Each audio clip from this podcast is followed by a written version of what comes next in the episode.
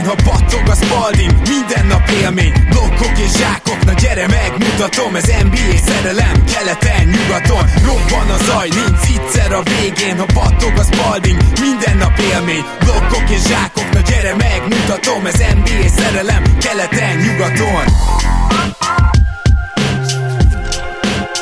Hey jó, szép napot kívánok mindenkinek, ez itt a Keleten-nyugaton podcast extra emergency kiadása, ugyanis nem olyan régen történt egy csere, amiről beszélnünk kell. Én Rédai Gábor vagyok, és mint mindig most is itt van velem Zukály Zoltán. Szia Zoli! Szia Gábor, sziasztok, örülök, hogy itt lehetek. Van majd másik vendégünk is, gyorsan felkonferáljuk őt is, hiszen itt van velünk a Dodo Podcastből Gibárszki Marcel. Marci, szia! Sziasztok, én is nagyon örülök, hogy itt lehetek, hogy Zolitól újabb szavajárás lopjak. Na hát szia. ez már oda-vissza megy, nem? Igen, mindenképp. Szia Marci, én is üdvözlök.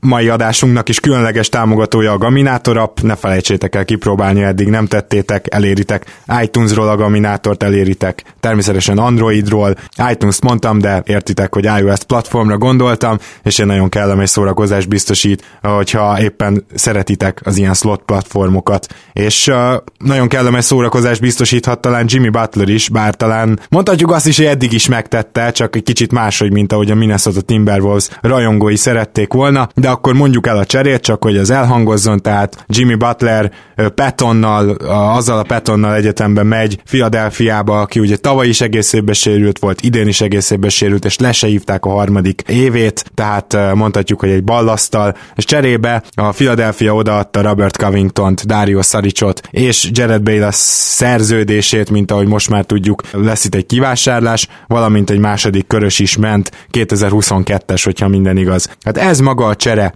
és most már gyakorlatilag csak az orvosi vizsgálatok vannak hátra, úgyhogy úgy tekinthetjük, hogy ez a csere ez végbe ment. És, uh, bocs, hogy mindkét csapat trade exception is kapott ugye a cserében. Uh, igen, ó, ezt nem is tudtam. Uh, igen, olyan, olyan módon ment végbe csere, hogy egy nem túl jelentős, azt mondom, az egyik ilyen 2,1 milliós, a másik pedig 1,1 milliós, ha, ha nem tévedek. Uh-huh, akkor ez uh, technikailag ez több csere volt, mert ugye egy cserébe csak egy trade exception mehet egy irányba, úgyhogy valószínűleg akkor technikailag úgy oldották meg, hogy ez több csere. Minden esetre a fő érték, és szerintem ezt így simán mondhatjuk, az gyakorlatilag Butler ment egy Covington uh, Szarics párosért és egy 2022-es második körösért. Tehát ami itt számít, az ez a négy dolog, és a második körös pedig sokkal kevésbé, mint a többi. És hát uh, szerintem a, ahol elkezdhetnénk a dolgot, az mindenképpen az, hogy a Philadelphiának egyetértetek-e velem, hogy annak ellenére, és erről még nyilván beszélünk, itt lesznek még problémák, meg nem tökéletes fit Butler, de, de meg kellett lépnie egy olyan cserét, amiben még egy nagy nevet oda hoznak, hiszen ha belegondolunk, akkor még egy évük van erre, ugye Simonsnak is egyszer csak szerződést kell adni, és onnantól pedig gyakorlatilag a capspace-üket így se úgyse tudták volna használni. Egyetértek veled, érdekes volt ez a csere, nagyon meglepő volt. Én sok csapatra számítottam, hogy be fog jelentkezni Butlerért, a Philadelphia nem volt közöttük, méghozzá azért, mert nem gondolom, hogy a legnagyobb szükségük egy wingre lenne, ráadásul egy ballhandler wingre. Igazából megértem azt, hogy miért csinálták. Úgy vannak vele, hogy látva a Milwaukee-t, látva a Boston-t, látva a Torontót, azt érzik, hogy ebből nem várhatnak most már tovább, hogy, hogy majd két-három év múlva leszünk igazán jó, mert ezek a csapatok úgy néznek ki, mint amik még két-három év múlva is nagyon jók lesznek, és szerintem azt érezték, hogy na most nekünk is meg kell próbálni, mert nincs, nincs tovább mire várni, most még van cap space, most tudunk egy nasztárt elhozni, és igazából nagyon érdekesek a reakciók, de erről biztos fogunk még később beszélni, hogy, hogy teljesen másképp értékelik Philadelphia szurkolók egymás között is, meg Minnesota szurkolók is azt, hogy ez jó csere volt. Visszatérek kicsit meg a technikai részére, ugye azért, azért vannak ezek a trade exception hogyha jól olvasom, mert a Sixers vissza, tudta venni, vissza tudott venni 23,9 millió értékű uh, salary uh, fizetést, ami több, mint, mint Butler és Justin Patton együtt, ha minden igaz. Igen, ez az é. egyik trade exception meg is magyarázza, tehát akkor így, így kapod gyakorlatilag Igen, a Minnesota. Saric, Saric fizetésének megfelelő trade exception csinált tulajdonképpen a Fili, és a Minnesota pedig Patton fizetésének megfelelő trade exception és ugye így meccselik a, össze, össze az árakat, illetve a fizetéseket. És akkor kicsit becsatlakozva ahhoz is, amiről beszéltetek, az igazság az is, hogy ki kell jelenteni, hogy én, én azt hittem elsőre, hogy, hogy ez, a, ez a Sixers-nél azt jelenti, hogy all-in, és akkor mennyit csináljuk, de nem feltétlenül egyébként, mert az ő anyagi helyzetüket, az ő cap space nem feltétlenül rontja el. Ugye Butlernek lesz egy 30 millás cap holdja, ha minden igaz jövő nyáron. Bezony. Viszont ha, ha bezuhan ez az egész, akkor még mindig meg lehet próbálni rámenni Clay Thompsonra, Kawai-ra, szóval itt azért árnyaltabb a helyzet. Nyilván, vagy legalábbis sejtjük, nem nyilvánvaló, de ugye sejtjük azt, hogy, hogy Butlerrel valami fajta összebeszélés volt, és ugye Butler számára azért is volt fontos, hogy most még a szezon közben elcseréljék, hogy ebben benne lehessen egy öt éves szerződés, és hogyha a timeline-ját nézzük az egész a filinek, illetve az egész cserének, akkor nyilván persze kijelentetjük azt, hogy ha még ha Butler alá is írna ugye egy öt éves maxot, ami azt hiszem 190 millió dollár környékén van. Persze az utolsó évek azok nyilván nagyon rosszul fognak kinézni, de ugyanakkor meg érvehetsz amellett, hogy, hogy Embiid már készen áll arra, hogy, hogy a bajnoki címért küzdjenek, és Simons pedig egy érdekes játékos, mert bár ő még nyilvánvalóan fog fejlődni, azt már szerintem lassan kijelentetjük, hogy soha nem lesz igazán komoly shooter, és, és emiatt nehéz azt elképzelnem, hogy, hogy, a, hogy az Embiid Simons kettős elég lehet majd a play mert ugye tudjuk azt, hogy a play jöttek ki ezek a, ezek a problémák igazából, hogy Simons nem tud dobni. És bár Butler sem, tud annyira jól dobni, ő mégis azért egy olyan harmadik számú opció, és itt most nem feltétlenül arra gondolok, hogy ténylegesen harmadik számú opció lesz, hanem egy olyan harmadik puzzle darabka, akiről viszont tudjuk, hogy, hogy az ő vállira nagyon komoly tereket lehet uh, rakni, és nyilván persze kell még shooting ebbe a csapatba, de, de összességében meg lehet érteni azt, hogy, hogy, hogy tulajdonképpen erre a szezonra legalábbis össze akarták hozni mindenféleképpen, és én még azt tenném hozzá, hogy, hogy Fulcot el kell egyszerűen cserélni. Ha még van bármilyen érték ennek a srácnak, akkor most kell belőle játékost csinálni, illetve játékosot cserélni, és, és valaki olyat visszavenni egy cserében, aki a spacinget tudja segíteni, mert ha valami most nagyon-nagyon kell ebbe a csapatba, az a shooting az egyértelmű.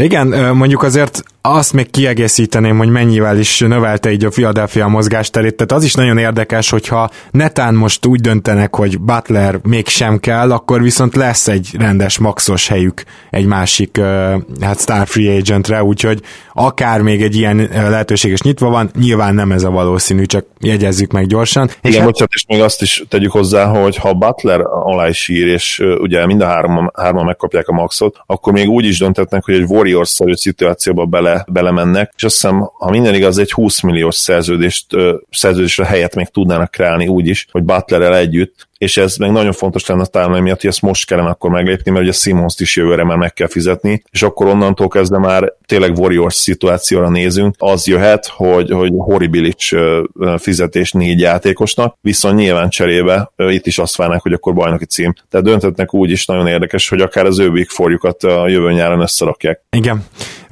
Ez persze nem megy magától, de a lényeg az, hogy a lehetőséget megteremtették, és akkor egy picit beszéljünk arról, hogy mi a problémánk magával a fittel, mert azzal viszont azért van baj, ugye már te is itt fél szóval említetted a shootingot, és hát láttunk-e már esetleg olyat, hogy egy három sztár összeáll, vagy nem összeáll, összejön, mondjuk így, plusz van mellettük egy őrülten jó dobó játékos, tehát mondjuk három és fél sztár, és az sokáig dominálja a ligát és bajnok lesz. Hát igen, láttunk az elmúlt években ilyet, azt kell, hogy mondjuk, és még a JJ Redick, Clay Thompson párhuzam ugyan rendben van, de a többi az nem annyira.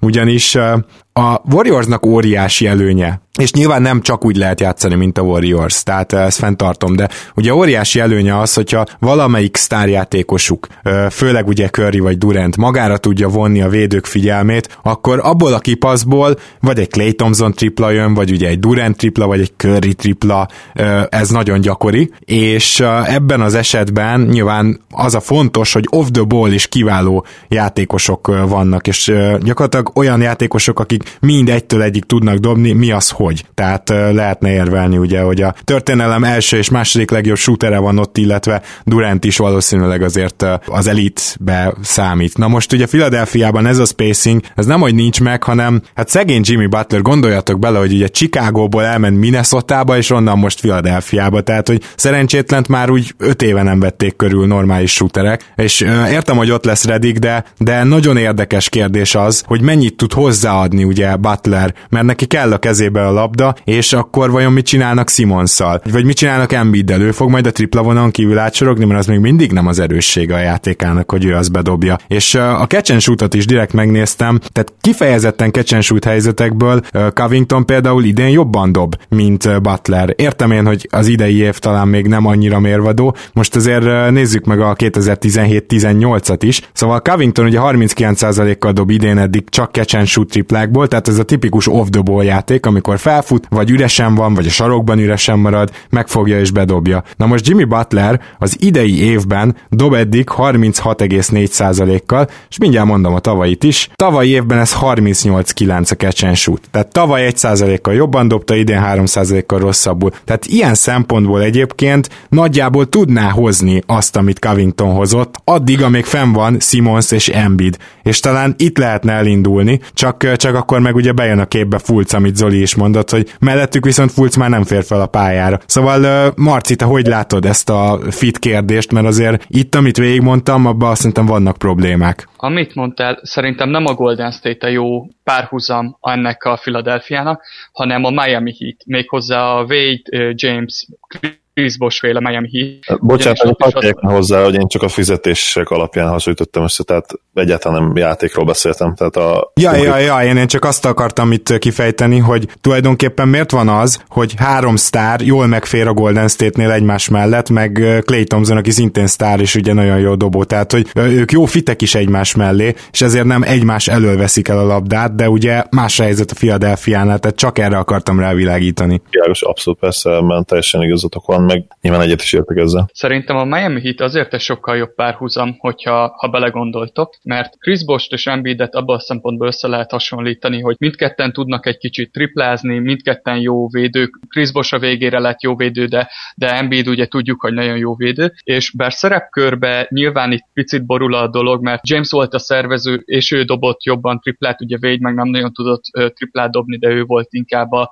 aki, aki sok kosára fejezett be. Szóval szerintem itt a Jimmy Butler Simons dolog abban csorbul, hogy, hogy Simonsnál lesz többet a labda, viszont ő tud kevésbé dobni, és Butler pedig az lesz, aki, aki inkább be fogja dobálni a triplákat, és ahogy működött a Miami Heat, úgy működhet szerintem ez a Philadelphia 76ers is, viszont nagyon-nagyon fontos szerintem, hogy hogy meglegyenek azok a dobók, amik például Shane Betty, Mike Miller, Ray Allen meg képében megvoltak a Miami Heatnél az évek során, hogy itt is kell az, hogy Redik mellett még a többi ember és ebből a szempontból például Muskala nagyon jó jelenleg, de ezért volt kell például Ilyeszovát és Belinellit elengedni, hogy meglegyenek azok a shooterek, akik, akik segítenek nekik abban, hogy széthúzzák a pályát, hogy meglegyenek betörésre a helye. Én Simonsról abból a szempontból, hogy dobás teljes mértékben lemondtam, szerintem ő soha nem lesz 30%-os triplázónál jobb, úgyhogy, úgyhogy ezt el lehet felejteni, és innentől kezdve viszont nem fog Fulc szerintem beférni melléjük. Én mindenképp őt megpróbálnám cserélni, és én abban is biztos vagyok, hogy ha nem is feltétlen shootert, én nem biztos, hogy, hogy egy triplázóra cserélném el, hanem én egy olyan négyesre cserélném, aki 3 be azért ott van, de inkább a, a, a védekezésbe tud nagyon sokat hozzátenni. Én például gondoltam egy ilyenre, hogy mondjuk a Phoenix Suns-ot meg lehetne keresni, hogy, hogy mondjuk Josh Jacksonra beváltani, mert, mert mind a kettő projekt úgy tűnik, hogy kicsit bukó, és hát ha a Fulcnak azzal, hogy, hogy ott megkapná a karmesteri pálcát, ki tud teljesíteni, illetve George Jackson szerintem itt 3-as, 4-esbe tök jó fit lenne a srácok mellé, el tudna védekezni a hosszú karjaival, azért bebedobálgatja a triplát, és, és meg lenne az a, az a biztonság, hogyha neki nem megy, akkor azért Butler, Embiid elviszik a hátukon a meccset. Úgyhogy mm. én gondolom, hogy ne, nekik inkább egy ilyen Miami hites útvonalat kéne bejárni, hogy jó védőket, meg jó triplázókat kéne összeszedniük, és én Fulcot azért merném elengedni, mert Semet és TJ McConnell személyébe olyan csereirányítók ülnek a padon, akik, akikbe én bízok, hogy, hogy nagyon jók lesznek. Cannell már bizonyított is, Semet meg szerintem egy nagyon jó fit lenne ebbe a csapatban, mint shooter. Teljesen egyetértek, de hogy Fulc még ha bejön, akkor sem tud itt már bejönni, tehát már nincs hova, vagy ahhoz ilyen kirtelen elképesztő off the ball játékosnak kéne lenni, amit már ugye többször beszéltünk Zolival, hogy azért nem ezt várjuk az eddig látottak alapján, és nem ilyen irányba megy a történet. Úgyhogy szerintem nem rossz ez az ötlet sem. Például J. Michael Green is lehet, hogy egy ötlet, most csak én is hirtelen neveket dobok be, de azért azt is nézzük meg, hogy, hogy ilyen szempontból azért Covington ugye fájó kiesés, tehát Covingtonnak még mindig lenne helye, még Jimmy Butler mellett is ebben a rotációban. Saric pedig az megint nagyon érdekes számomra, hogy ő ugye nagyon bődületszarú kezdte ezt az évet, és 30%-kal triplázik, de ez nem azt jelenti, főleg a tavalyi év fényében, hogy ő így is marad, és őt például kevésbé tudják majd pótolni, mert lehet, hogy Muszkala majd a triplát bedobja a sarokból 50%-kal, de összesen fog dobni négyet meccsenként, tehát ez nem lesz akkora történet, viszont Saric azért vagy Saric, elmondhatjuk szerintem simán, hogy ö, lelkiismeret nélkül tüzel, egyelőre rosszul, de hogyha ugyanezt majd jól csinálja, akkor azért hiányozhat. Úgyhogy én mondjuk ilyen szempontból is kíváncsi leszek, hogy most azért a eddig sem nagyon létező mélység is tovább csorbult Filadelfiában, és nem biztos, hogy ezt olyan könnyű lesz összerakni, és biztos, hogy kell még egy következő mozzanat, még egy csere, vagy még egy szabad ügynöknek, vagy kivásárolt játékosnak, például Arizának a felszedése, nem Zoli? Sörésről annyit szeretnék még hozzátenni, hogy nem csak a triplázása meg az, hogy lelkiismeret nélkül tüzel, hanem az is nagyon fontos, hogy nagyon jó passzjátéka volt. Ő neki azért ott voltak az assziszt száma is, illetve ő neki bent a palánk alatt voltak olyan kiosztásai, illetve átpasszolásai Embiidnek is akár, ami szerintem nagyon-nagyon fog hiányozni ennek a, ennek a Philadelphiának, hogy a palánk alatt még egy olyan passzoló volt, mint ő, és rendkívül intelligens játékos vesztettek el. Úgyhogy szerintem a fő, fő veszteség az nem feltétlenül feltétlen a pontja lesz, hanem ez a passzjáték és ez az intelligencia. Abszolút egyetértek, és tényleg, ahogy mondta Gábor, idén nagyon rosszul dobott, de ettől függetlenül tavaly egészen jó szezont hozott le, mint floor spacer, ugye 38%-ot triplázott, jó pár kísérlettel. Fulcra még visszatérve, nem, hogy nem fog, nem, nem teljesíthet már itt ki ez a történet, én azt gondolom, hogy itt, itt lesz majd egy irányváltás, és itt el is vágjuk az egészet. Ő nyilván fog még lehetőséget kapni a rotációban, mert muszáj is nagyjából játszott, tehát nincsen senki más, akinek lehetne még 20 percet adni a padról, de, de az igazság, hogy Butlerrel vége, vége ennek a, hogy is mondjam, ez a... Kísérletnek? Igen, a, legalábbis annak, hogy, hogy mi most megpróbáljuk, mint a hímes tojásra vigyázva rá, és, és úgymond következmények nélkül játszatni, hogy, hogy esetleg formára találjon, annak itt vége. Az teljesen egyértelmű. Brown többször kijelentette, hogy a következő lépcsőfok az ő edzői evolúciójában is, meg a csapatnak is, hogy egy sztár és hogy mindenképpen akarnak egy harmadik sztár. Most már ezt a játékost megszerezték, egyértelműen innen all in. Ebben a szezonban hozzáteszem, tehát nyilván most nem a, nem a közel vagy, vagy hosszú távú jövőre gondolok, mert ott az még képlékeny lehet, de most innentől egyértelműen az a cél, hogy minél gyorsabban, minél jobban, minél nagyobb terheket Butler vállaira rakva összecsiszolják a playoffig ezt a csapatot, és ebbe egyszerűen nem fog beleférni Fulc semmilyen szempontból sem taktikailag, sem feedben, sem pedig úgymond edzői hitvallásban, mert innentől kezdve nem lehet egyszerűen úgy megpróbálni felépíteni Fulcot, mint ahogy eddig, mert az, az biztos, hogy győzelmekbe kerülne, és ezt nem engedhetik meg maguknak. Mondjuk az nagyon érdekes, hogy a cseresor az ugye így természetesen még kevésbé lesz működőképes, úgyhogy én azt várom, hogy ha Fulc ha Fulc nagyon nem működik, akkor lehet, hogy rotációból is kikerülhet, viszont hogy Jimmy Butlert és Ben Simmons nagyon-nagyon szét fogja szedni szerintem Brown, tehát nyilván együtt kezdenek, és együtt zárják a meccset, de egyébként pedig az egyikőjük mindig pályán lesz, ami szerintem indokolt is lenne. És akkor mind a kettőtökhöz egy kérdés, javult-e a Philadelphia ebbe az idénybe szerintetek, és hány plusz győzelem, ezt nyilván sose tudjuk leellenőrizni majd, hány plusz győzelmet jelenthet Butler, úgyhogy Covington és Saric is távozott. Én megmondom őszintén, hogy szerintem a Philadelphia nagyjából ugyanazt hozta volna Butler, hogyha nem megy végbe ez a csere, vagy maximum egy-két győzelemmel lehetnek jobbak. Tehát hiába, hogy Butler elképesztő védő például, mert pont egy nála is jobb védő ment el Covington személyében, ugye Covington tényleg ez a liga elit képessége, úgyhogy ha mindent egybeveszek, akkor szerintem jelentősen nem erősödött a Fili. Ti ezzel hogy álltok? Besegítő, besegítő védekezésben mindenképpen jobb Covington, ember ellen szerintem azért azért Butler jobb. Igen, igen, ezt, ezzel egyetértek teljesen és egyébként. Jobban Covington azért hát komoly problémák, komoly problémák voltak védekezésben. A, a másik felvetés abszolút egyetértek, azt gondolom, hogy még talán kevesebb győzelmet is érhetnek így el az alapszakaszban, viszont, és ez azért nagyon fontos, a play azt gondolom, hogy veszélyesebbek lehetnek mind a Celtics, mind pedig a Raptors számára. És akkor még a bucks nem említettem, bár nem tudom, a Bucks-ot én még mindig nem tudom így teljesen elhinni, még, még várnék velük egy két-három hónapot teljes mértékben egyetértek. Szerintem is az alapszakaszban nem lesz jobb a Philadelphia, nem fog ez nekik olyan sokat jelenteni, illetve még ha jelentene is, akkor mire beépítik Butlert, meg kitalálják az új sémát, azzal fognak annyi meccset bukni, hogy, hogy egára hozzák.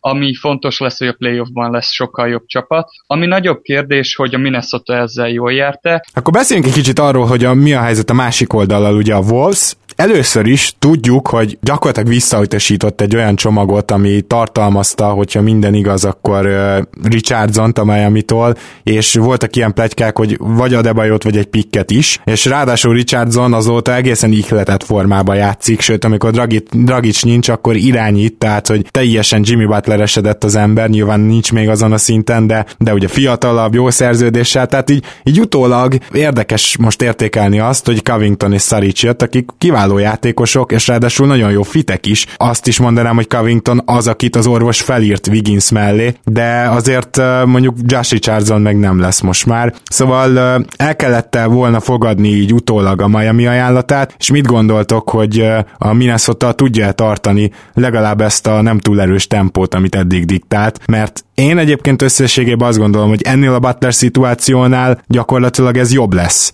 hogy van egy ilyen jó fited, és hogy van egy szaricsod. A minnesota nagyon nagy kérdés az, hogy, hogy hogy fogják Sericsot használni. Szerintem ez a csere az ő oldalukról teljes mértékben ezen fog múlni. Hogyha ugyanúgy eltüntetik, mint Bielicát, akkor, akkor ők nekik ez egy nagyon rossz csere volt, és akkor a Richardsonos kellett volna elfogadni. Hogyha használni fogják, mert egyértelmű, hogy Saric kezdőszint, és szerintem sokkal jobb játékos, mint Taj Gibson, akkor viszont, akkor viszont ez egy jó csere is lehet a részükről. Covington az egy tökéletes pár Wiggins mellé, ő hármas, négyeseket is meg tud fogni, tudjuk, hogy jó egy-egy védő, tudjuk róla, hogy egy intelligens játékos jól tud dobni, viszont, viszont az igazi mérlegnyelve az Saric lesz mindenki, mindenképpen. Ha őt nem fogják használni, és Tibodóból kinézem, hogy, hogy képes ilyen idiótaságra, akkor ezt masszívan bukták, és akkor el kellett volna a Miami fogadni így viszont azt mondom, hogy, hogy nagyon bízok benne, hogy Sericsnak jó helye lesz Minnesota-ba. Ettől függetlenül Tibodót minél hamarabb el kéne onnan takarítani, mert, mert nem fog jó már ebből a csapatból szerintem kisülni,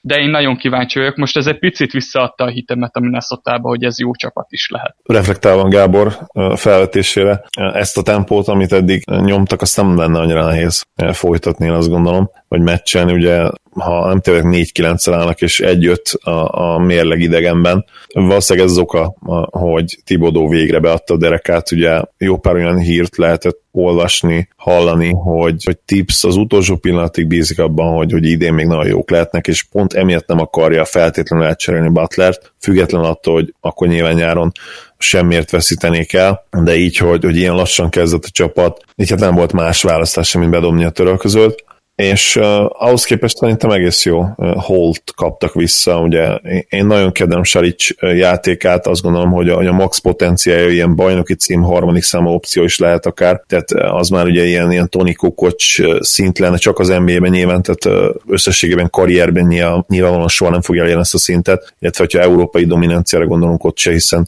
Saric bár egy nagyon jó játékos volt, és Európa egyik legjobb játékosa volt, amikor átment az NBA-be, nem egyértelműen a legjobb, mint ahogy Kukocs annó. És a Marcira is reflektálva az is teljesen egyetértek, hogy, hogy tényleg nagyon sok függ attól, hogy hogyan fogja használni Tibodó Saricsot. Az a bajom, hogy eleve ugye Wiggins ott van a line és tudjuk azt, hogy Tig is ott van a line igazából nem azt mondom, hogy egyikünknek se kellene ott lenni, de hát lehet, hogy az nem egyébként az ideális történet. Hogyha Jones-szal kezdenének irányítóban. Vagy Rozzal. Igen, persze.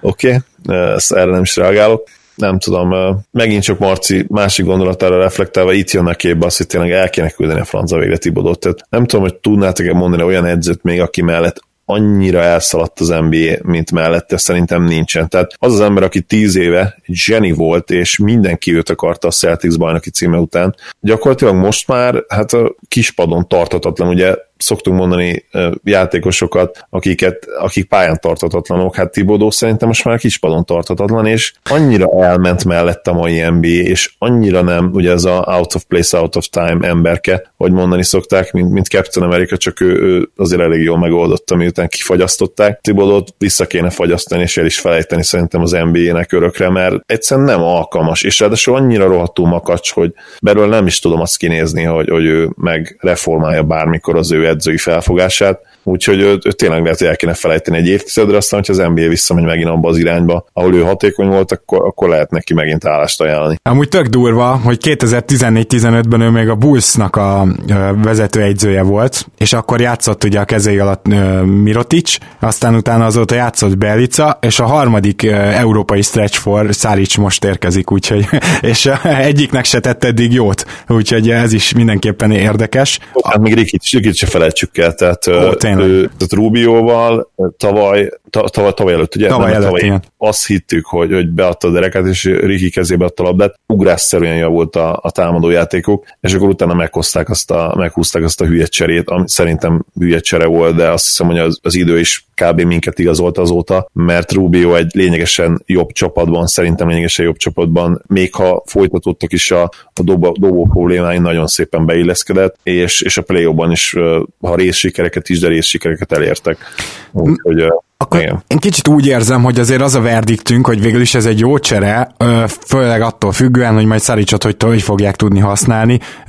Na most azért a Minnesota is még egy cserére van attól, hogy jól összerakja a csapatát. Nem tudom, ebben egyetértünk-e, de hát igazából... A, hát igen, azon kívül is, tehát, hogy most jelen pillanatban az, hogy Touch Gibson, meg Dieng is ott van, az, az sok. És Tibodóból ki is nézem, hogy mind játszassa, aztán majd Toliver nem játszik, aki úgy kell neki nekik, mint egy falatkenyér, ugye az ő shootingjáról már megemlékeztünk ebben az évben valamelyik podcastben, szóval állítom, hogy az lesz a vége, hogy Toliver nem játszik, vagy Tolivert le, le fogja hármasba tolni, és akkor meg Josh Okogi nem játszik, aki szerintem top 10 ruki idén, annak ellenére, hogy talán 22. helyen választották, nagyon pozitív meglepetés Okogi, és nagyon-nagyon tetszik, amit eddig láttam tőle, szóval biztos, hogy lesz valami olyan döntése Tibodónak, amiért fel fogok háborodni, és ezért gondolom már most, hogy ha még a Sacramento szeretné azt a pikket, valami szép védettséggel azért, mert nem áll túl jól a Minnesota, de mondjuk egy minimum egy lottery védettséggel, akkor azt megkaphatná, és akkor dienget esetleg postáznák, bár lassan amennyire jó a Sacramento, nem biztos, hogy erre akarja használni a helyét.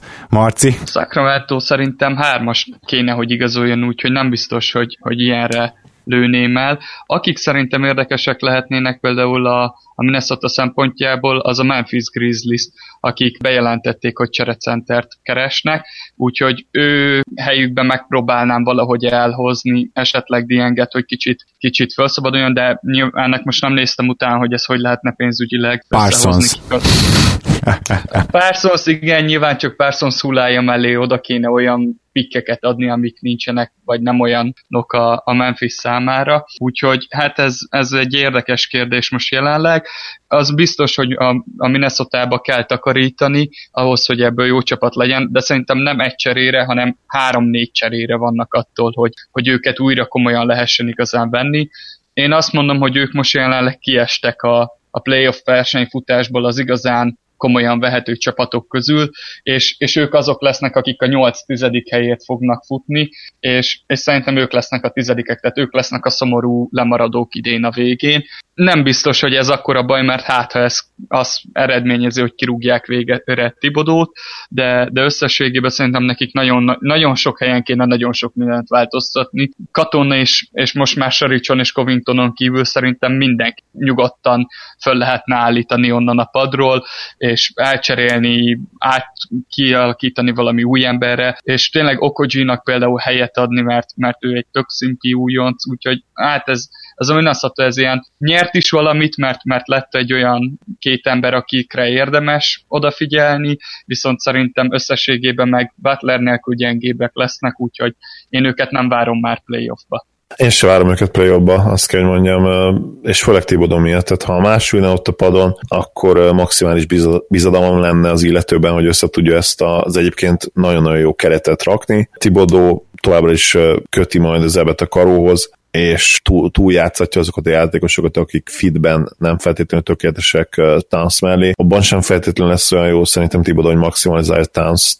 bár a Butler nélküli statjai egészen földön túliak, azt hozzá kell tenni. Ha van egy ennyire tehetséges játékosod, akkor, akkor nyilván azért nagyon-nagyon rossz nem lehet, még akkor is, hogyha megkérdőjeleztük Towns igazi impactjét ugye a védekezése miatt sokszor, támadásban azért ez ma már nagyon nehéz. Egészen domináns kiemelkedő játékos a pálya azon oldalán. Szóval én is a legvalószínűbb szenáriónak azt tartom, hogy, hogy nyernek mondjuk a 40 mérkőzést, és, és épp hogy lemaradnak a playoffról. Hm, akkor a cserének bizonyos szinten talán vesztese a Minnesota, mindenképpen vesztese Fultz. Egyébként Embiidnek az MVP esélyei is lehet, hogy, hogy vesztésre állnak, bár nem lesz elég jó a Philadelphia mérlege, hogy ez realizálódjon, pedig hogy Embiid milyen szezont fut, arról szerintem majd beszélünk hamarosan, mert egészen irgalmatlan. Szóval vannak ilyen apró vesztesek, de azért hosszú távon az sem lehetetlen, hogy mind a két csapat jól jöjjön ki ebből, úgyhogy én azt gondolom, hogy ezzel a gondolattal zárjuk le ezt a mai kis emergency podcastünket. Nagyon szépen köszönöm, Marci, hogy eljöttél, és ha van még bármi, amit hozzá akarnál fűzni a cseréhez, akkor nyugodtan tedd meg most. Srácok, egy olyan kérdésem lenne, tegnap beszéltük ugye ezt cseten, de csak Zoli reagált rá, úgyhogy főleg inkább Gábor neked szól a kérdés, hogy mi arról a véleményetek, hogy ezzel a move-val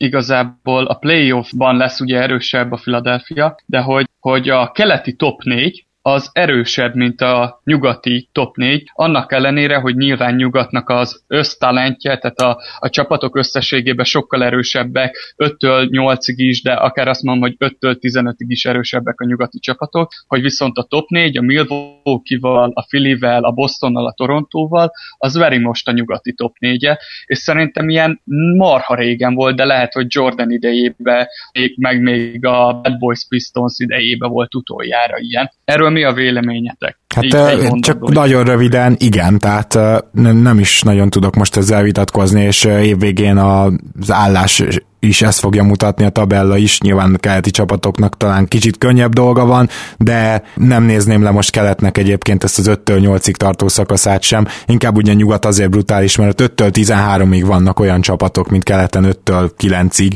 és ez, ez azért egy nagy különbség nyilvánvalóan, de igen, nem tudok vele vitatkozni. Én sem, ugye tegnap feltettük a podcast Facebook oldalán ezt.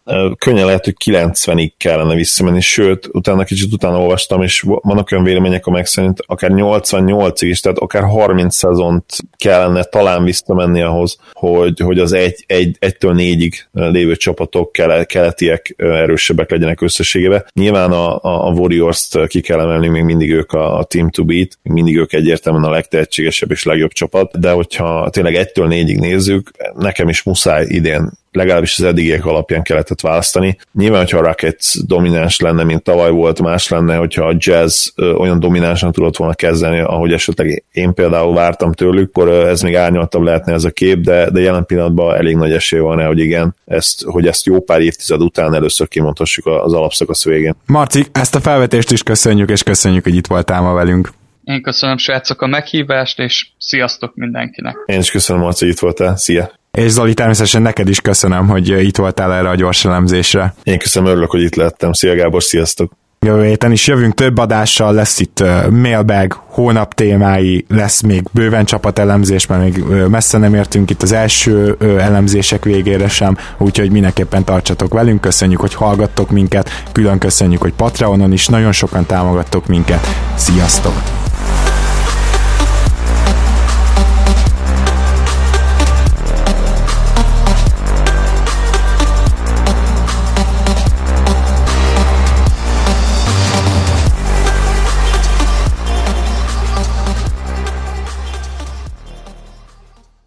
Ha más podcastekre is kíváncsi vagy, hallgassd meg a Béton műsor ajánlóját. El tudod képzelni, hogy a podcastet, amit éppen most hallgattál, fél év múlva már a mesterséges intelligencia generálja? Mi sem. De ha érdekel, eljött már a gépek lázadása. Hallgass bele az Embertelen podcastbe. Orsós Lajos vagyok, a műsor házigazdája. Egyelőre még élőben. Egyelőre. Fedezzük fel együtt, hogyan ismerkedik, randizik, mesél és vitatkozik Betty és Péter, két teljesen mesterséges intelligencia. Lajos, a podcast címét mond még egyszer, Léci. Oké. Okay. Embertelen podcast. Ez a műsor a Béton közösség tagja.